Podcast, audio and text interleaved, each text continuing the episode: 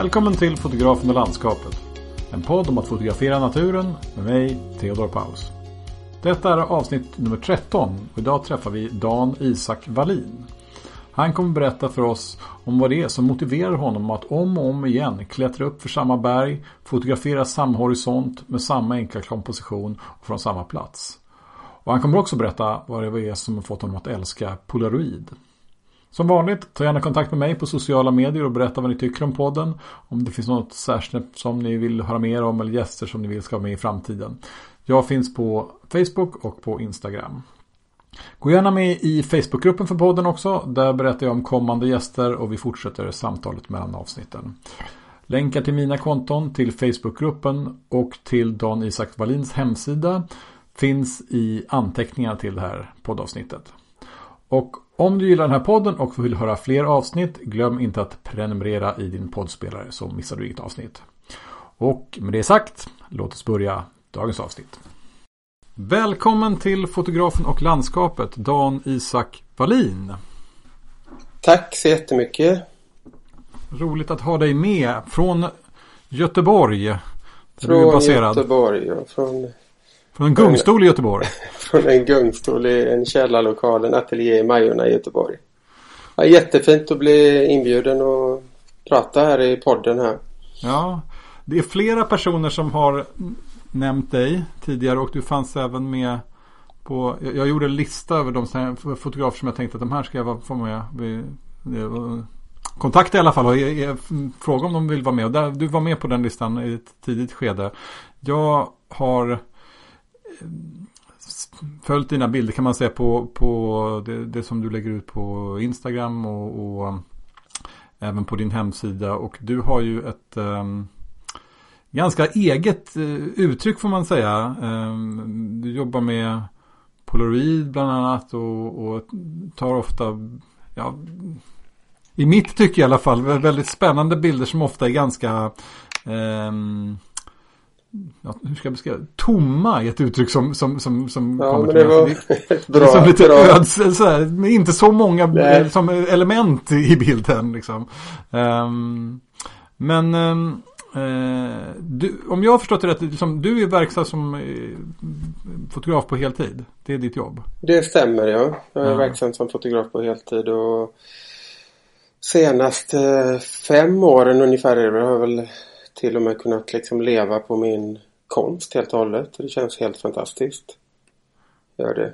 Och eh, innan jag har ju frilansat nu sedan 2003 på lite olika sätt och det har varit mycket alla möjliga jobb. Det har varit studio, porträtt och bröllop och reklamfotografering och reportage och allt möjligt liksom. Men det känns ju otroligt lyxigt att få kunna arbeta med sitt skapande på heltid. Det blir en helt annan grej liksom.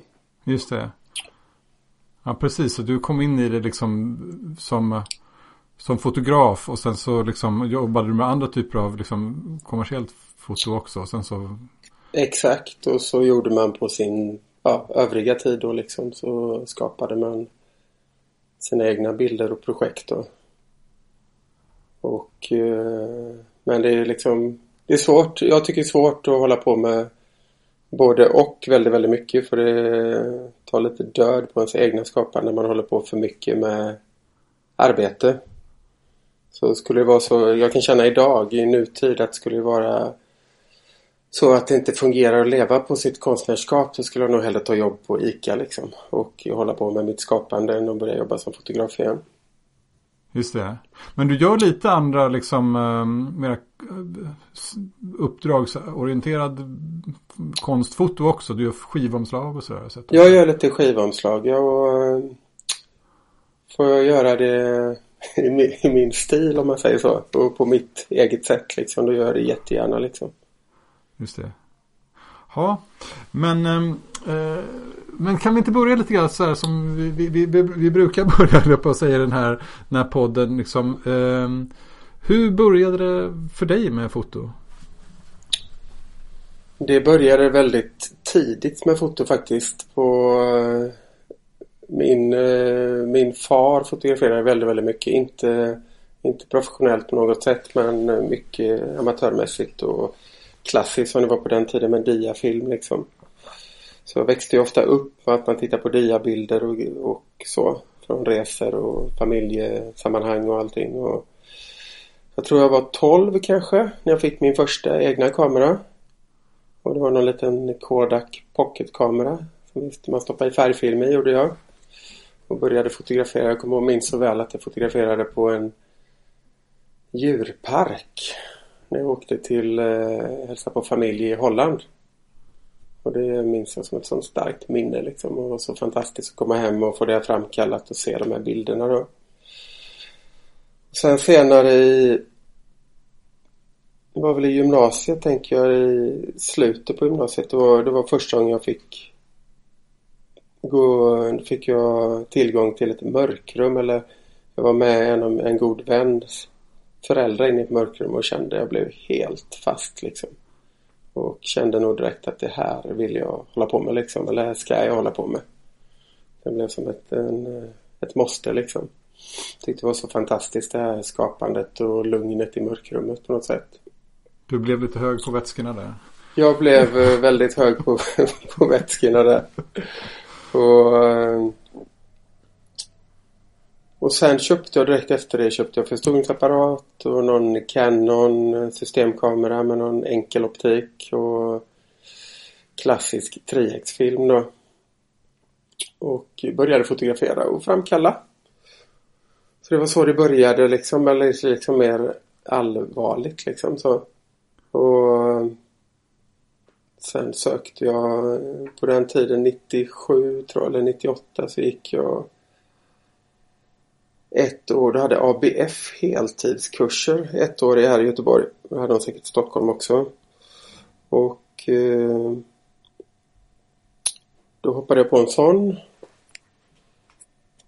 Eh, det här är efter gymnasiet eller? Ja. Det här är efter gymnasiet, ja exakt. Hur gammal är du förresten? Får, man ser ju inte varandra framför sig när vi gör de här intervjuerna. Nej, jag är född 77 så jag är okay. 42 år om några dagar. Ja.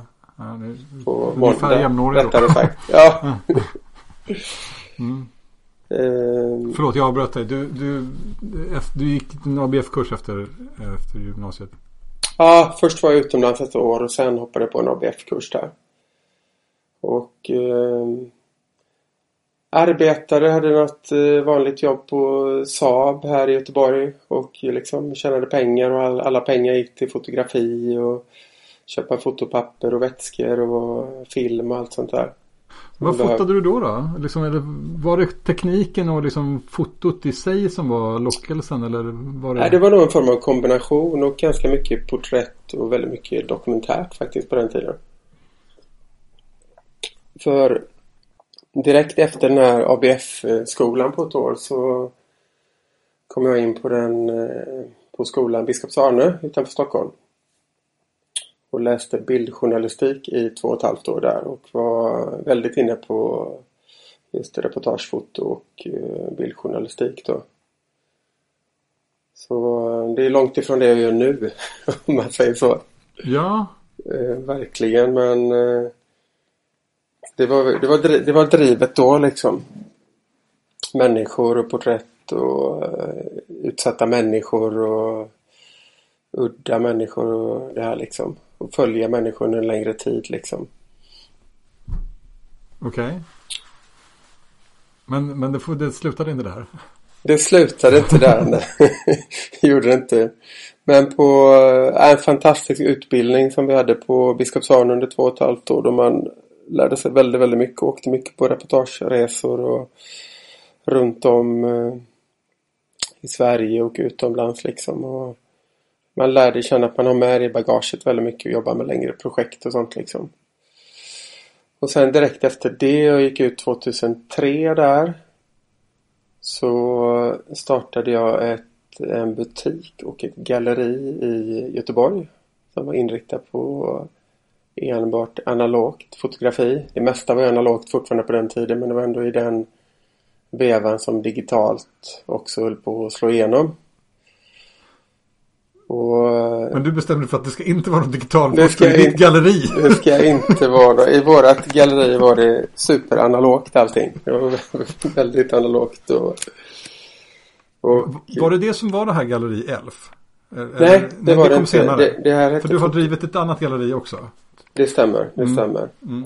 Det här hette Fotokompaniet och var liksom en kombination. Eh, ja, vi hade butik, sålde allt, begagnade kameror, allt för mörkrummet, Eh, fotopapper och vätskor och allting och eh, halva lokalen var även ett galleri då. Och så frilansade vi även och gjorde porträtt och barnporträtt och bröllop och skannade åt folk och allt möjligt för att få det att gå runt liksom som man, som man behöver få det att men det låter ändå nästan som ett livsstilsprojekt. Det var både galleri, eh, eh liksom butik, eh, ni sålde tjänster av alla olika slag. Ja, det var, var fantastiskt. Vi hade ju det i sex år mellan 2003 och 2009.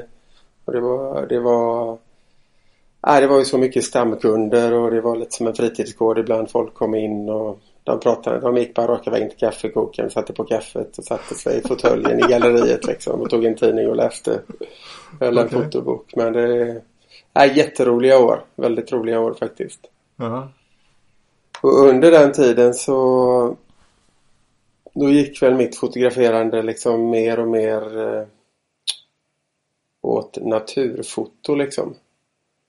Och eh, Först var det ju väldigt mycket de här, jag var ju väldigt så här Vi hade ju Anders Petersen till exempel och Anna Klarén och de hade vi som lärare på Biskopsarne. Och det var mycket den stilen på fotografi och Josef Kodelka var en sån stor förebild för mig och de nu, får gamla... du, nu får du inte glömma bort att jag är helt, jag, jag kan ju ingenting egentligen och kanske vissa läs, av våra lyssnare inte kan. De här personerna som du nämnde, jag har inte riktigt koll på liksom hur deras stil är. Nej, Anders Petersen är ju väldigt, väldigt eh, dokumentärt liksom. Och svartvitt, mörkt kopierat och, mm. och, och eh, ganska tunga bilder ibland liksom. Så där, det var ju så vi blev utbildade lite på Biskopsarne. Liksom. Det ska vara lite... Man kunde ofta se bildspråket på de som har gått på Biskopsarne. Hårt vinjetterat. Hårt vinjetterat. Mycket vinjetteringar i mörkrummet på den tiden. Inte... Men eh, i alla fall så gick det mer och mer över till landskapsfoto för min del. Kände jag. Och det, det var svartvitt och det var Triex fortfarande och det var Hasselblad 11 Maja 6 kommer jag ihåg. Och det var knivskarpt och perfekt. Eller så här som, som det mesta landskapsfoto ser ut. För de flesta människor liksom, det vanliga liksom. Mm. Och jag tycker fortfarande att det är helt fantastiskt att titta på den typen av bilder. Och jag kände väl någonstans i den här att jag ville hitta någon egen stil liksom. Och tyckte att mycket såg eh, likadant ut. På något av sätt. så, av det, även det som du själv tog liksom? Ja men lite så. Lite så ibland att jag tyckte att det, det blev lite samma. Det blev lite samma liksom. Ja. På något sätt sådär och ville väl hitta något nytt uh, sätt att arbeta på liksom. Och då hittade jag det här fantastiska materialet Polaroid liksom. Ja. som, som man kan uh, experimentera och dona med väldigt mycket för att få mycket olika effekter liksom. Det, det vill jag jättegärna prata med dig. Men kan vi inte, bara innan det, så hur, varför blev naturen motivet? Nej, men jag är ju väldigt förälskad i naturen liksom. Jag älskar ju vara i naturen och det är en dragningskraft där liksom. Jag mår bra av att vara i naturen liksom. Jag det, det finns ju Det är ju så vackert och det är ju aldrig likt någon annan dag och det är det inte någon annanstans heller men Men det är ju något lugn och Jag tror också att det Idag är samhället eller bor man i alla fall i större städer så är det ju ganska högt tempo och stressigt och allt det här och då tror jag det är väldigt viktigt att komma ut i naturen och få lite lugn och ro och landa liksom. Mm. Och, och, det är ju, det är ju, en, det är ju mäktigt liksom, havet liksom.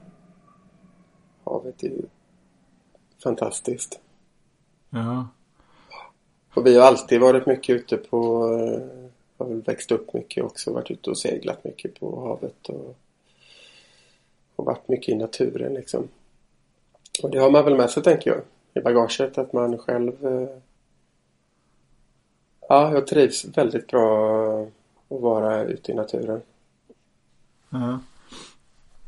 Magnus Hög som var gäst här för något avsnitt sen. Han ägnade ju stor del av avsnittet åt att berätta hur, hur han fotograferade naturen för att slippa träffa folk. Men... Ja. ja, men det kan väl vara en liten aspekt också. Att man, eh, det kan ju verkligen känna att eh, jag mår väldigt bra av att bara vara själv ute i naturen liksom, och fotografera. Mm. Eller vandra eller vad man nu gör liksom. Det blir en kombination det där. Men hade du liksom, du, det var du, du hade liksom en, varit ut mycket liksom i, utan kamera i, i, naturen och även med familjen och sådär. Liksom, du det låter som du hade växt upp i en naturfamilj. Liksom. Jag skulle inte säga naturfamilj, inte någon extrem, men mycket utflykter och mycket ute på havet på somrarna och segla liksom. Mm. Eh, det var vi ju halva somrarna liksom, var vi på en båt nästan mycket. Och... Men någonstans kanske Ja, inte extrem men sådär lagom liksom. Sen, svenskt. Ja, exakt. ja. Men, men Polaroid, det, var, var det det, liksom, det materialet som fick dig liksom att hitta någon egen grej liksom? Det, det lät lite grann så. Ja, men det började, jag köpte på, jag menar förr använde man ju polaroidfilm. Då, liksom, då tog man en polaroid för att kolla ljuset innan man tog den slutgiltiga bilden på färg eller på dia liksom. Mm. För att kolla hur det blev liksom. Då hade man en koll på ljuset och allting liksom. Och... Men sen 2003 tror jag då köpte jag på Myrorna en sån här enkel liten SX70-kamera. En sån här liten platt modell som den kostade 100 kronor kommer jag ihåg. Och eh, sen köpte jag film till den. Då gick det fortfarande att få tag i film till vettiga priser. Och eh, när jag tog de bilderna, de tog jag ute i naturen, de första bilderna. Då var det så här, då, då gick jag totalt igång på de färgerna som polaroidfilm ger. Mm. Det finns ju en uppsjö av olika typer av polaroidfilmer liksom, precis som det finns vanliga filmer. Och, och men de eh, med vissa filmer så är färgerna väldigt pastelliga liksom och går nästan mer över åt målerihållet än åt fotografi. Just det. På något sätt. Och det det tyckte jag var otroligt vackert och kände liksom i hjärtat att det här är fint liksom. Det här måste jag arbeta med mig och testa liksom. Men då hade jag väl inte, det här var ju 2003 eller 2004 eller någonting och då hade jag väl inte den tanken att bara köra polaroid liksom. Det har ju kommit på senare år sen. Men vad är polaroid egentligen? För, alltså, jag, vad är definitionen av polaroidfilm? Vad, vad är det särskiljande egentligen? Ja, men det är ju en direktbildsfilm så man ja. får ju bilden direkt ja. liksom. Det är ju snabbare än digitalt liksom. Ja. Du har den ju direkt i din hand precis hur den blir liksom. Precis, för, för det, det, det, alltså, när jag tänkte på så associerade det bara till det att liksom bilden kommer ut direkt liksom. Men det, det finns liksom ingen polaroidfilm som man kan fotografera i en vanlig kamera liksom. Nej. Hur tänkte du nu? att... um, ja, hur tänkte jag? Jo, um, det, jo, men nu min, min, tanke, min tanke kring Polaroid har alltid varit precis det som du beskriver. Att man liksom, jag ser framför mig de här gamla stora kamerorna som man tryckte ut så spottade den ut den så fick man vänta liksom. Medan den liksom bilden materialiserade sig på själva kortet om man säger. Och så var det en vit ram runt. Liksom. Ah, ja, just det. Just det, det är ju den klassiska liksom. Ja. Men eh, för det finns liksom, man kan inte mata in en rulle polaroidfilm i en vanlig kamera eller någonting sånt liksom. Utan jo, det, eller du kan inte mata in en rulle men du kan mata in en kassett. Okej. Okay. Till eh, alla, eller till väldigt många mellanformatskameror och stor, storformatskameror. Så finns det speciella kassetter som man kan mata in och så Ja, det är då, så det går till alltså? Då, då fotograferar man liksom ett, ett blad kommer ut liksom. Och då kommer det inte ut med sån vit kant utan då kommer det ut när den kommer ut ser man ingenting för då är det ett positiv och ett negativ och så får det framkalla och sen delar man på det med sina egna händer liksom och då får man bilden. All right. Och eh, det finns ju en... eh, Ja, de finns i... Till mellanformatskameror ligger de i 10 pack och till eh, storformatskameror ligger de ett och ett blad. Precis Ja. som man laddar en... Eller det, är inte så lätt för alla att veta men som man laddar, man plottar storformat med svartvitt så laddar man ett blad och det är på liknande sätt med Polaroid. och Man laddar ett blad i en kassett liksom. Så där. Så det finns ju ja, en uppsjö olika typer av filmer så. Just det. Men det var, det var det som du började med den där billiga kameran som du köpte och liksom. Ja, den billiga jag började med det var den liksom som du nämnde att den bara spottar ut bilden och den, man tittar på den och den framkallar liksom. Ja. Med den klassiska vita polaroidkanten. Och sen gick det väl mer och mer över till eh, lite eh, mer professionellare film om man ska kalla det så. Det som användes i mellanformatskameror och sånt då. ja, När man kan, styra, man kan ju styra lite mer med tider och bländare och allting. just det. Och vad var det som var lockelsen? Vad bestod den i? Var det färgerna som du var inne på tidigare? Eller vad? Ja, men det var nog hela färgerna var, kände jag var en, ver- verkligen en stor grej liksom. Och eh, även det här att man fick materialet direkt och även det här att det finns en slump som ibland spelar in i det kan bli lite oväntade effekter ibland lite eh, om inte kemin riktigt eh, räcker till eller något. Om det är lite gammal film eller någonting då kan det påverka och ge lite eh, speciella effekter som kan bli helt fantastiska ibland och jättedåliga ibland.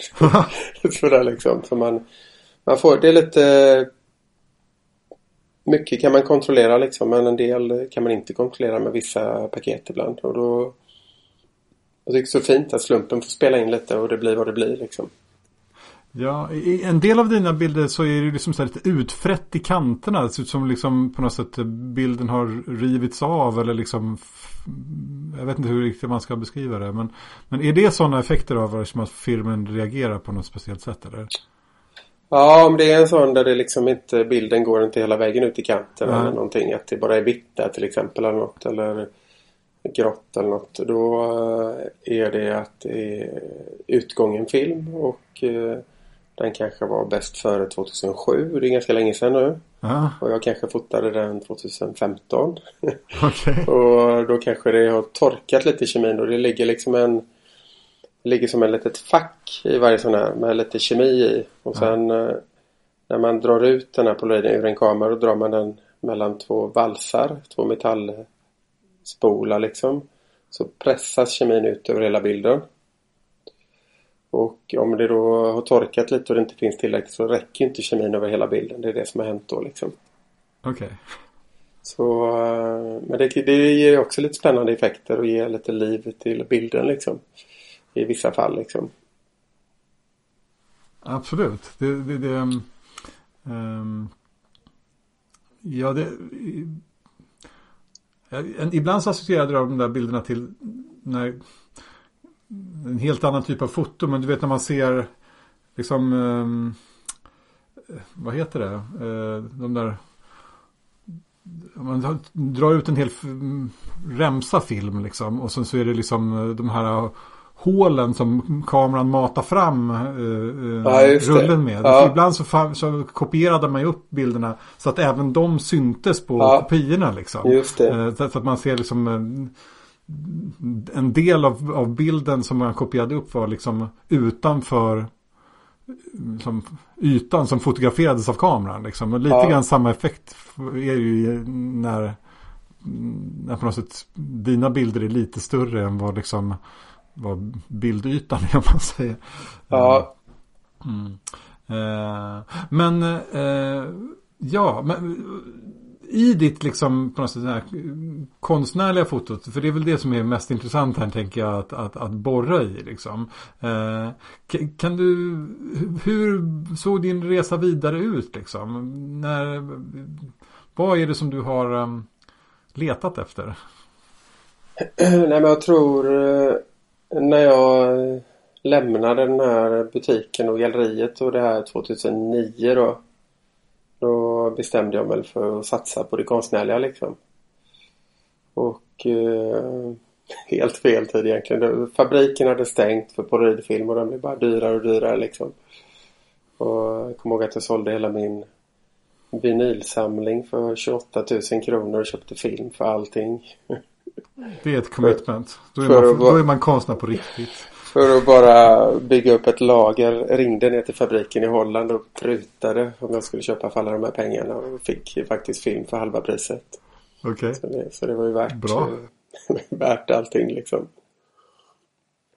Och då kände jag väl någonstans att eh, jag ville börja satsa på på mer jobba med gallerier och och eh, visa upp eh, mitt eh, landskapsfotograferande på polaroid liksom. Och började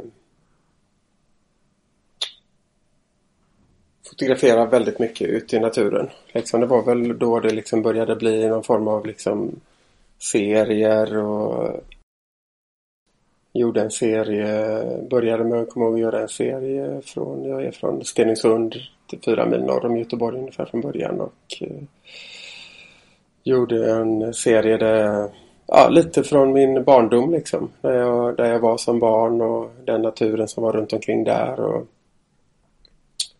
och ville väl återkoppla lite till de här platserna där man var mycket som liten då.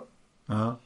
Och, eh, för det är ju speciellt att komma tillbaka i, i vuxen ålder och eh, minnas många av de här platserna liksom och sen fotografera dem på ett sätt som eh, som man kände att man ville göra liksom. Är det ofta så det funkar för dig? Att du liksom, är, är det, har du ofta en idé om hur du vill att det ska bli? Eller, det är lite olika eh, faktiskt. Ibland har jag väl en idé och ibland eh, tar jag det som det kommer när jag är på plats. Men eh, jag känner att det är väldigt viktigt att eh, tillbringa. Jag har väldigt svårt för att åka till ett ställe och fotografera bara en dag. Det kan jag göra också men jag uppskattar hellre att få vara på platsen en längre tid för att få känna in liksom atmosfären och miljön. Och vad det är för platser och vad jag ska fotografera och sånt där liksom. Så man verkligen känner in platsen i sitt hjärta liksom. Mm. Och jag tycker om att åka till något ställe och bara vara. Eller någon vecka bara få känna in det först och sen kanske åka tillbaka och fotografera senare liksom. Okej. Okay. Så därför att... På, på din hemsida så finns det en liten presentation av dig. Uh, där, där, där står det ibland så här att um, uh, Photographer Dan Isak Wallin leaves civilization behind, walks across deserts and travel to remote islands. Det låter ju väldigt spännande. Eh, vad betyder det? ja men det kan ju vara till exempel eh, Jag var ju uppe i, eh, i Nordnorge i Lofoten i, det är väl tre år sedan nu. Jag var där för fyra år sedan också, en första vända. Och eh, fotograferade lite för fyra år sedan. Sen eh, fick jag faktiskt ett arbetsstipendium från Lofoten. Och, eh, och då bestämde jag mig att jag ville vara där på vintern när det inte är några människor där. För att... Eh, ja, jag gillar det där ödsliga väldigt mycket. Det tilltalar mig väldigt mycket. Så då fick jag bo i ett hus långt ut på Lofoten där det var 30 minuter att köra bil för att handla mjölk eller mat eller vad man nu skulle handla. Okay. Där, där bodde jag helt själv. Stora delar. Det bodde en annan konstnär en tid också där. Och eh, bara vara i det där liksom och få uppleva det där och det hårda klimatet som är på vintern där uppe. Och det är ja, helt fantastiskt. Du har familj va? Jag har familj ja. Jag har en, eh, en kär och en liten dotter.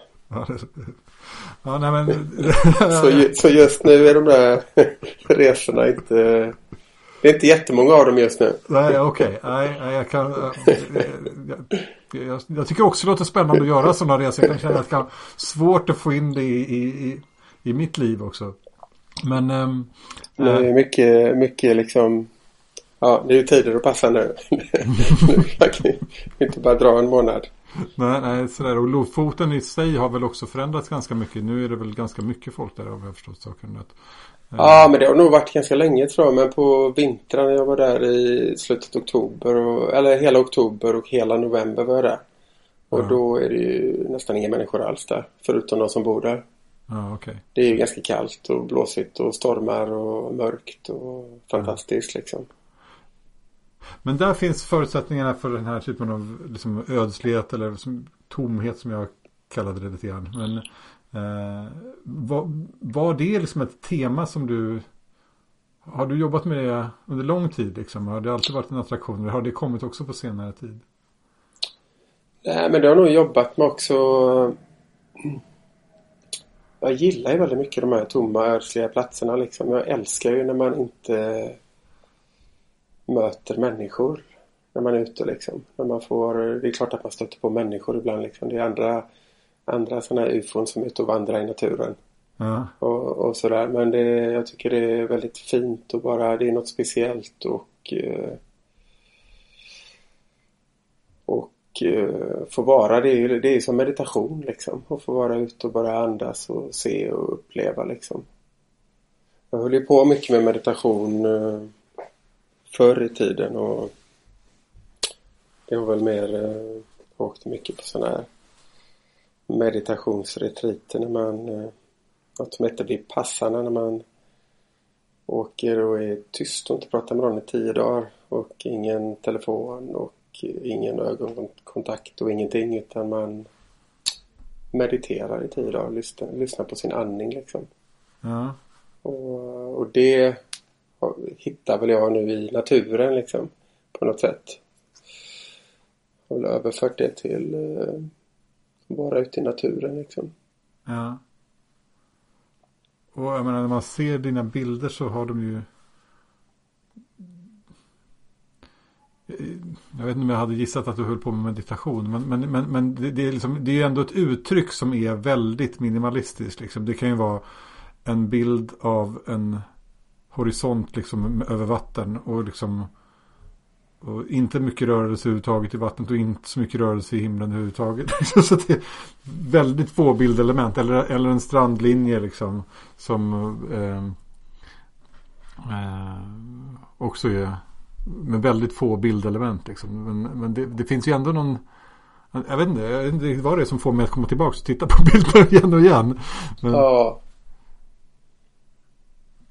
Nej men det är ju väldigt, jag gillar ju det här minimalistiska, rena och, och enkla liksom. Min, eh, min eh, senaste projektet som är fotograferat över Stilla havet i Mexiko. Det är ju bara horisonten liksom. Mm. Fotad dagligen under ja, nästan fem, sex månader. Och det är, ja, det är ju det, är hav och himmel. Ja. Ingen bild är en enda lik men det är ändå en och samma bild på något sätt liksom. Men för, för då tänker jag liksom om, om, om jag är kanske en lite mer rastlös själ än, än vad du verkar vara. Liksom, när jag hade tagit tio sådana bilder och sen ska jag, det har gått tre dagar liksom. Och sen så fort du, men du fortsätter liksom tar, tar många fler liksom. vad, vad, vad är det som du liksom jagar vidare efter då? Nej, men jag, tror det, jag tror det blir liksom, för mig blir det ju ett uh, sätt att hitta lugn tror jag. Liksom. Jag är ganska, eller jag är en lugn människa och känner jag liksom. Och, men man blir ju ändå med familj och samhälle och allt som ska fixas så är det ändå det blir ju det är svårt att undgå att det blir stressigt liksom. Mm. Och få ihop allting och så. Och uh, nu hade vi sån tur att vi kunde vara hela familjen i Mexiko under en längre tid. Vi har goda vänner som bor där. Mm.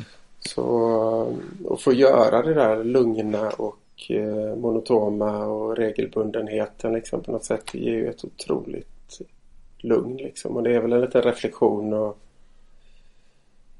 och landa och liksom inte glömma bort naturen liksom.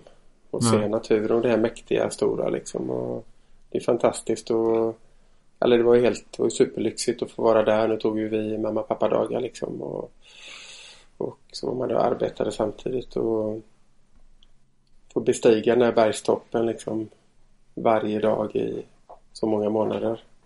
Och komma upp och när man väl kommer upp där på toppen helt genomsvett jättevarmt. Ja, så de är tagna från en hög höjd också? De är tagna från en hög höjd, ja. Ja. Och eh, när man kommer upp till slut på höjden och man ser ut över havet. Det är, ja, det är så storslaget. Det är helt otroligt liksom. Ja. Men det låter också på dig som att processen är rätt viktig. Liksom det är inte bara resultatet i form av bilden som kommer ut. Liksom, eller, det är en grej liksom. Men det, hur skulle du säga, går det att väga dem där mot varandra liksom?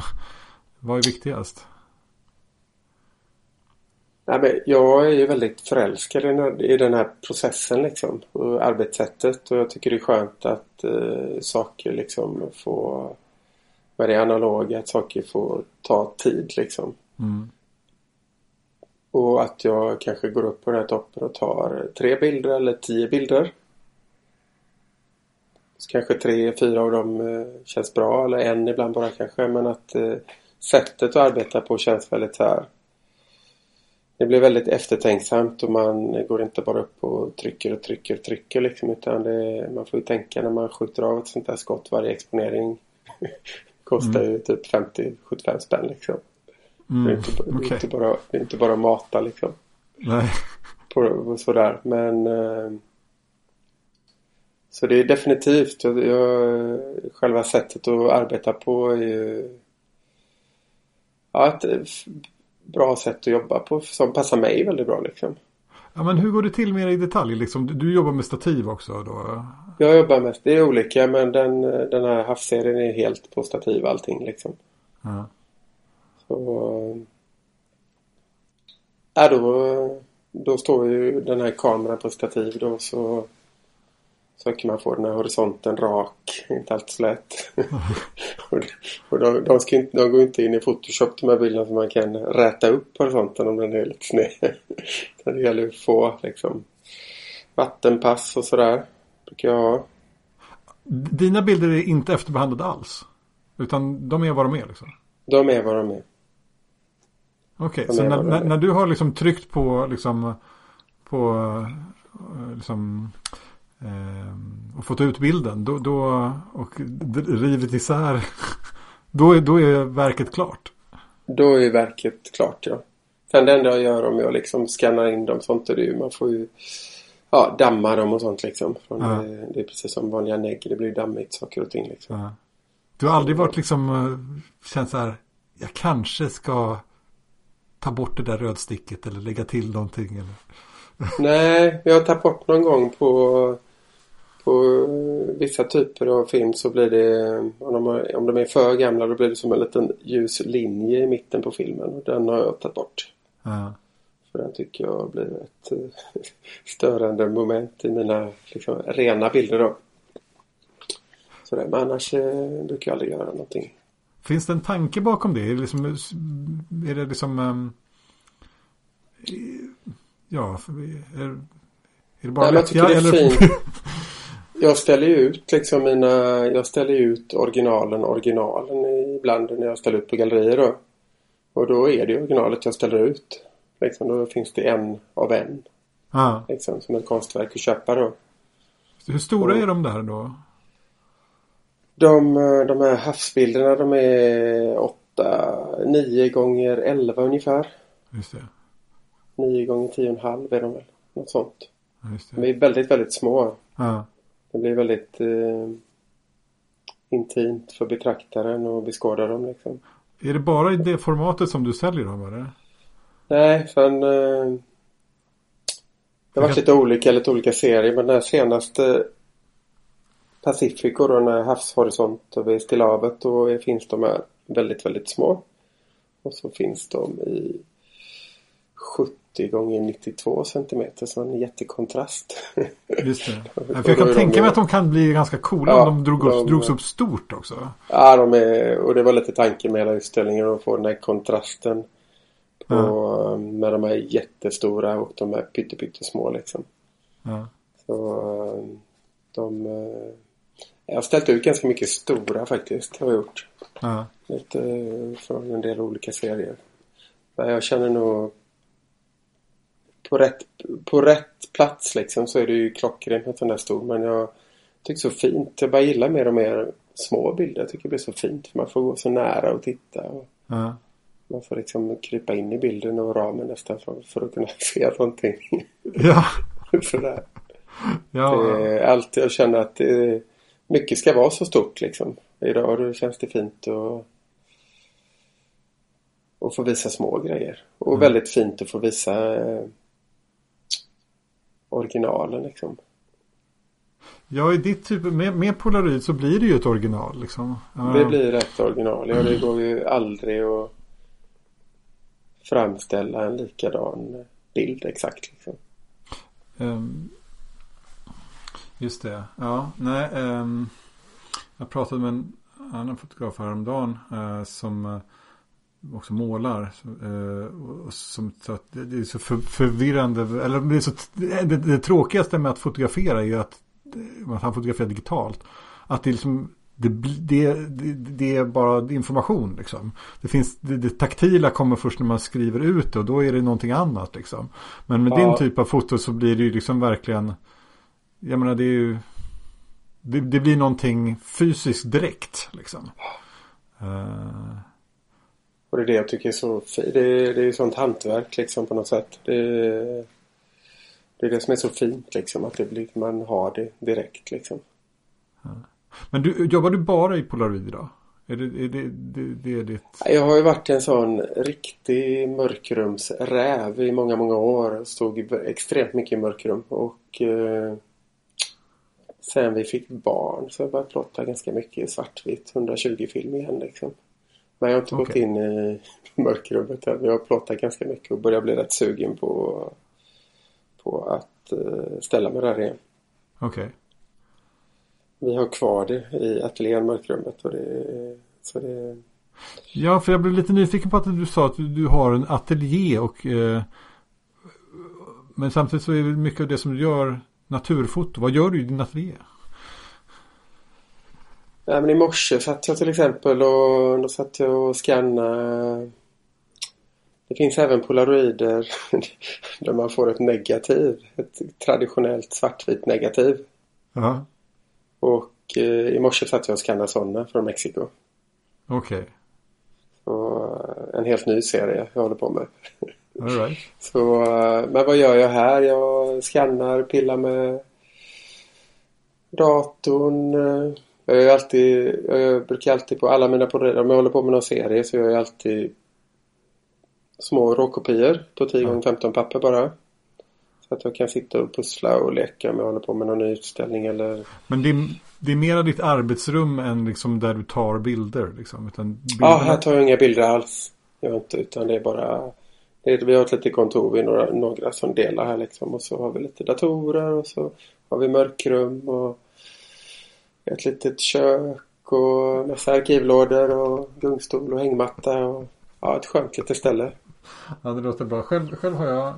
Jag sitter också i ett... eh, mitt, och min frus arbetsrum som vi har skapat efter att ha kickat ut barnen som har haft ett, ett, ett pysselrum i källaren. Äntligen så har vi fått en plats.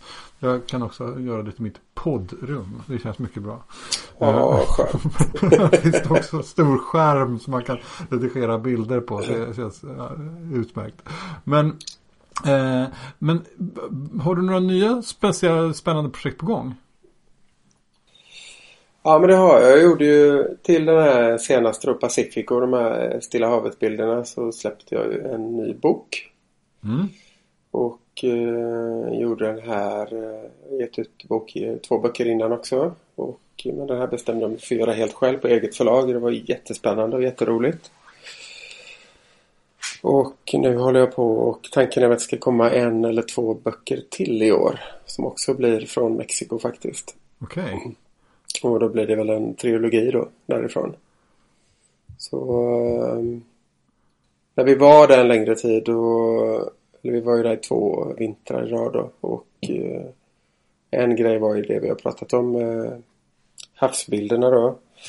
Och en annan grej var ju jag vandrade väldigt mycket där med och eh, upp i bergen och det ligger liksom det ligger helt ute på landsbygden den här platsen och eh, öknen går liksom hela vägen ut i havet. Det är väldigt höga bergsklippor som man kan vandra över och sånt.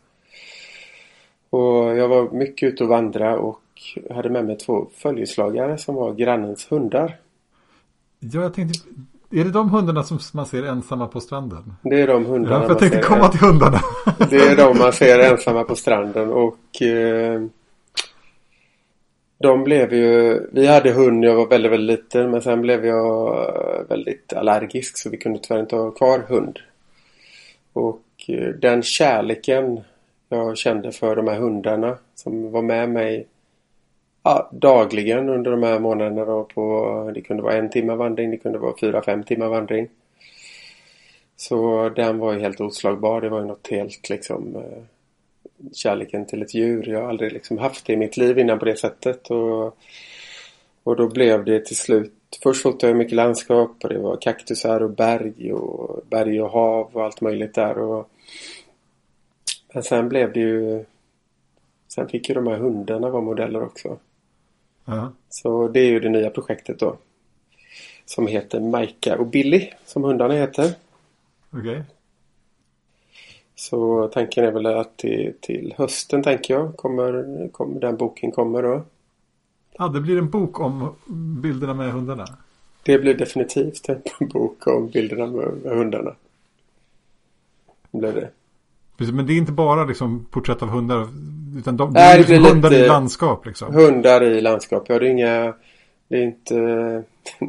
det är inga närbilder på hundarna utan de kan vara som små prickar långt, långt bort ibland. Och ibland är de lite närmare och sånt liksom. Och sen lite blandat med lite bara landskapsbilder också då liksom. Det är också, alltså, som naturfotograf är ju hund ett ganska ovanligt eh, djur att fotografera. Det, det är sant faktiskt. Det, det, men det, ja, det är väldigt eh,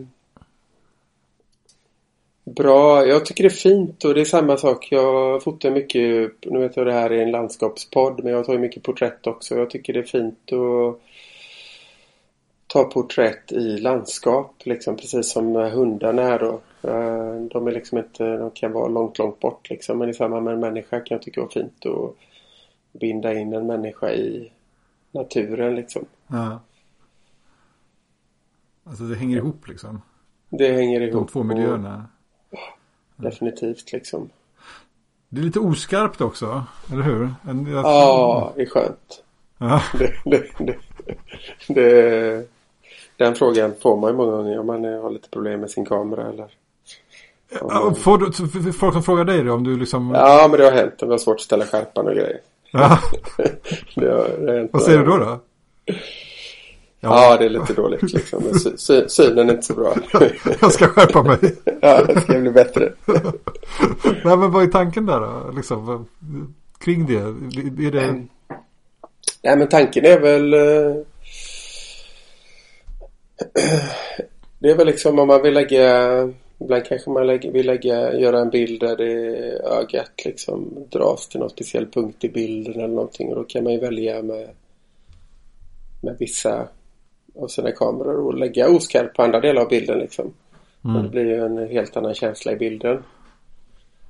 Det blir en lite mer Ja, de är väldigt drömska många av mina bilder men då får man ju ett annat aspekt på det liksom. Ja. Ja, precis. För, men, men det är väl huvudsakligen rörelse och skärpa liksom. Kameran står still men det är som motivet som rör sig.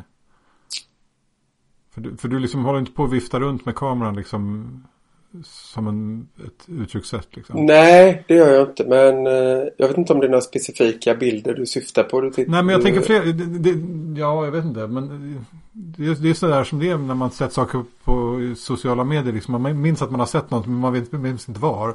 Men jag vill, vill minnas att en del av de där bilderna på hundarna är då hoppar hundarna runt liksom.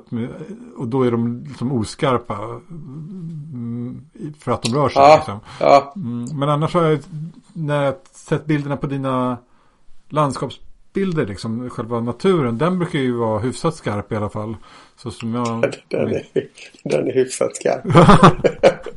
ja, liksom, det, är inte, det, är inte, det är inte slagit mig i alla fall att det här är en bild som, där man har jobbat, man har jobbat med oskärpan. Liksom, utan, nej, utan... nej. Nej, jag trodde du syftade lite mer på, på vissa Ibland kan man ju lägga med vissa kameror, kan man ju vinkla kameror på olika sätt om de står på stativ för att lägga oskarpt över en bild liksom. Ah, okay. på, på det sättet liksom. Men med hundarna är det ju att de är, de är snabbare än vad, än vad kameran skjuter. Ah. liksom där. Ah.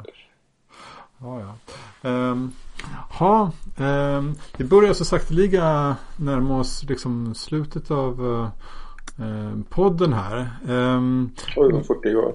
Eller hur? Ja, det, så, det är så kul det går så fort när man har roligt. är det något som vi har missat att prata om som du, som du känner vi behöver ta upp om ditt foto? Nej, inget jag kommer på på rak arm liksom. Vi har täckt in allt på det, 49 det, minuter. Det, det, har vi garanterat gjort. Men eh, för då tänkte jag att du kunde få vara med och, och utbilda och ge tips eh, till eh, mig och lyssnarna. Om man vill utvecklas som fotograf och kanske liksom vill liksom eh, eh inte minst i sitt konstnärliga och landskapsfoto. Är det något särskilt som du tycker att man ska tänka extra på? Eller något tips som du har? Jag tänker nog att det det handlar om tid. Väldigt mycket. Det handlar om liksom att och ge det man brinner för väldigt mycket tid. Och öva och testa och leka och göra fel liksom. Och, och jag känner ju själv att eh, jag har väl alltid varit en sån människa liksom. Eh, är det något jag jag vill göra eller vill testa på då går jag ganska deep down i det liksom. För att verkligen grotta ner mig i det så man eh, lär sig det liksom. Mm. Och det tänker jag att det, det och inte vara rädd för liksom testa mycket, leka mycket och göra fel och man lär sig av sina misstag liksom. Mm. Då utvecklas man ju hela tiden. Och eh, inte för mycket liksom känns som idag, jag kan själv gilla tekniken och jobbar och grejer men det känns som idag är väldigt mycket teknik och den senaste kameran och, och allt sånt där. Och försöka släppa det lite kanske och mer fokusera på bilden liksom och vad det kommer ut mm. i slutändan. Jag kan relatera rätt mycket till den här idén om att liksom gå in i någonting. Um, jag hade ju ett eget projekt som jag jag kallar det för The Landscape Year. Där jag liksom höll på ett år och fotograferade jättemycket landskap. Liksom. Det var så jag började. Liksom. Så att, äh, och det blir ju någonting annat när man liksom på något sätt gör det. När man, när man nördar ner i någonting ordentligt. Ja, liksom, så, så, så, så, blir ju ja. liksom. Och det gäller ju inte bara foto. Det gäller ju liksom allting liksom. Uh, att liksom om man satsar på en relation ordentligt liksom, då blir den värdefull liksom. Eller om man satsar på ett jobb ordentligt så blir den värdefullt liksom.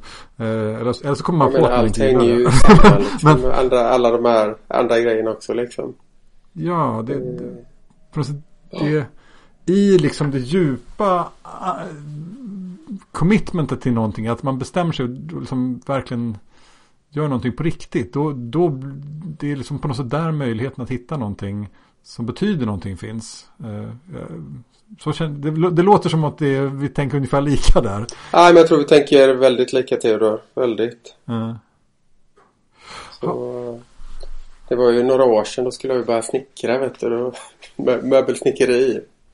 Så höll du på med det?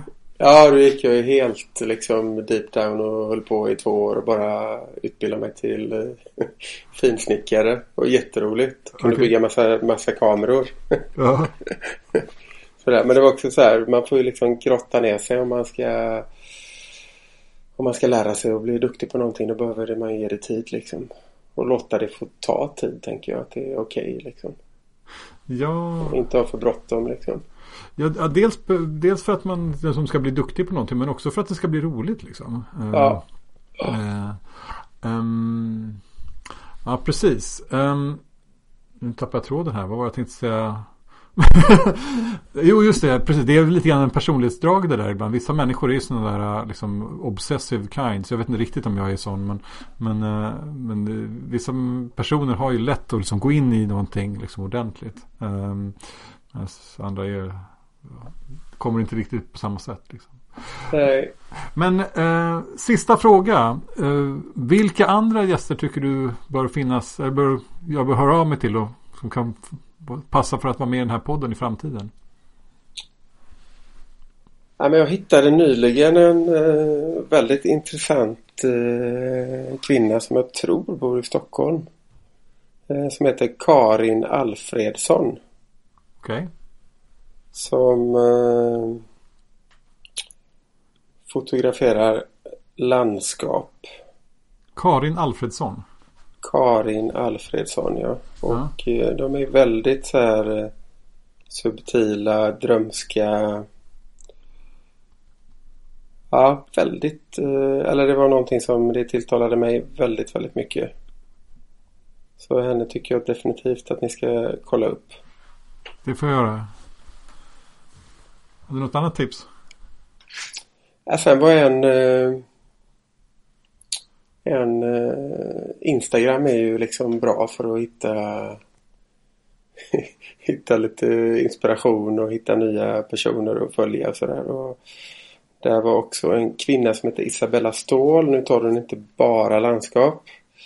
Men det rätt mycket hästbilder och lite porträtt och blandat men en del eh, väldigt fina landskapsbilder och eh, andra bilder också. Isabella Ståhl. Isabella Ståhl, ja, ja. exakt. Ja. Två för mig okända ja, personer vad, som jag ska kolla upp. Ja. Uh, det, det, är väldigt roligt för att det är liksom varje person som är med tipsar jag minst två. Så att man, oftast är det folk som jag inte känner. Så att man får Ja, det, det växer liksom lite grann som någon slags cell som delar sig i antalet fotografer. Ja, det är jätteroligt Du får ju skicka över den där listan. Ja, så, man, så man kan få lite ny eh, härlig inspiration. Ja, nej men alltså.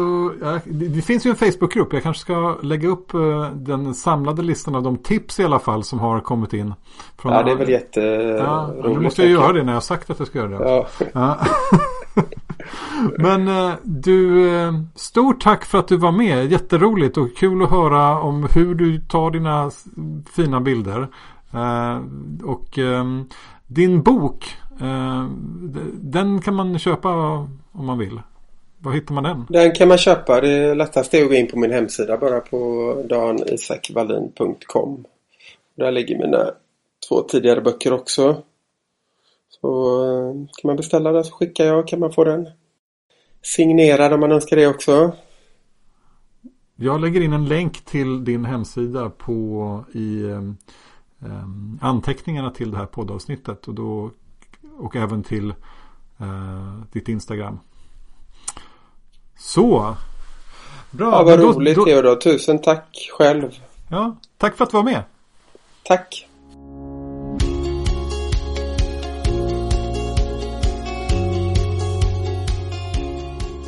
Tack även till dig som lyssnat på detta avsnitt av Fotografen och landskapet. Hoppas det gav dig något litet intressant som du kan eh, stoppa ner i din eh, pipa och puffa på framöver. En sak som jag fastnade för i samtalet med Dan var detta med hur Polaroid gör fotot fysiskt. Carl Fredrik Ekström, som var gäst i avsnitt nummer 9 av podden, beklagade sig då över att fotot är så immateriellt. Det är citat bara ettor och nollor som kameran fångar, bara information. Till skillnad från när man målar en tavla till exempel. Då resultatet blir något väldigt tydligt fysiskt i form av tavlan som stegvis fylld med färg och man kan hålla i den efteråt och sådär. Men med Polaroid blir även fotot fysiskt som Dan beskrev. Det som kommer ut ur kameran är en materiell produkt. Ett eh, fysiskt objekt som eh, framkallar sig själv i sin egen kemi. Och det är den fysiska produkten, rakt ut ur kameran, som Dan ställer ut och säljer. Det är inte en utskrift eller en kopia av hans bild som är verket. Det är istället bilden, verket och utskriften som är samma sak, samma fysiska produkt. det gör polaroidfotot till något väldigt konkret. Det tycker jag är en intressant tanke. Förutom att polaroid också har en intressant eh, eget utseende med hur färger kommer ut och sådär. Länk till Dans hemsida, Facebook och Instagram finns i anteckningarna till det här poddavsnittet. Där finns också länkar till min Facebook och Instagram. Berätta gärna i Facebookgruppen vad du tycker om det här avsnittet och vad vill du höra mer av framöver. Och om du gillar den här podden och vill höra fler avsnitt, glöm inte att prenumerera i din poddspelare så missar du inget avsnitt. Vi hörs igen om två veckor.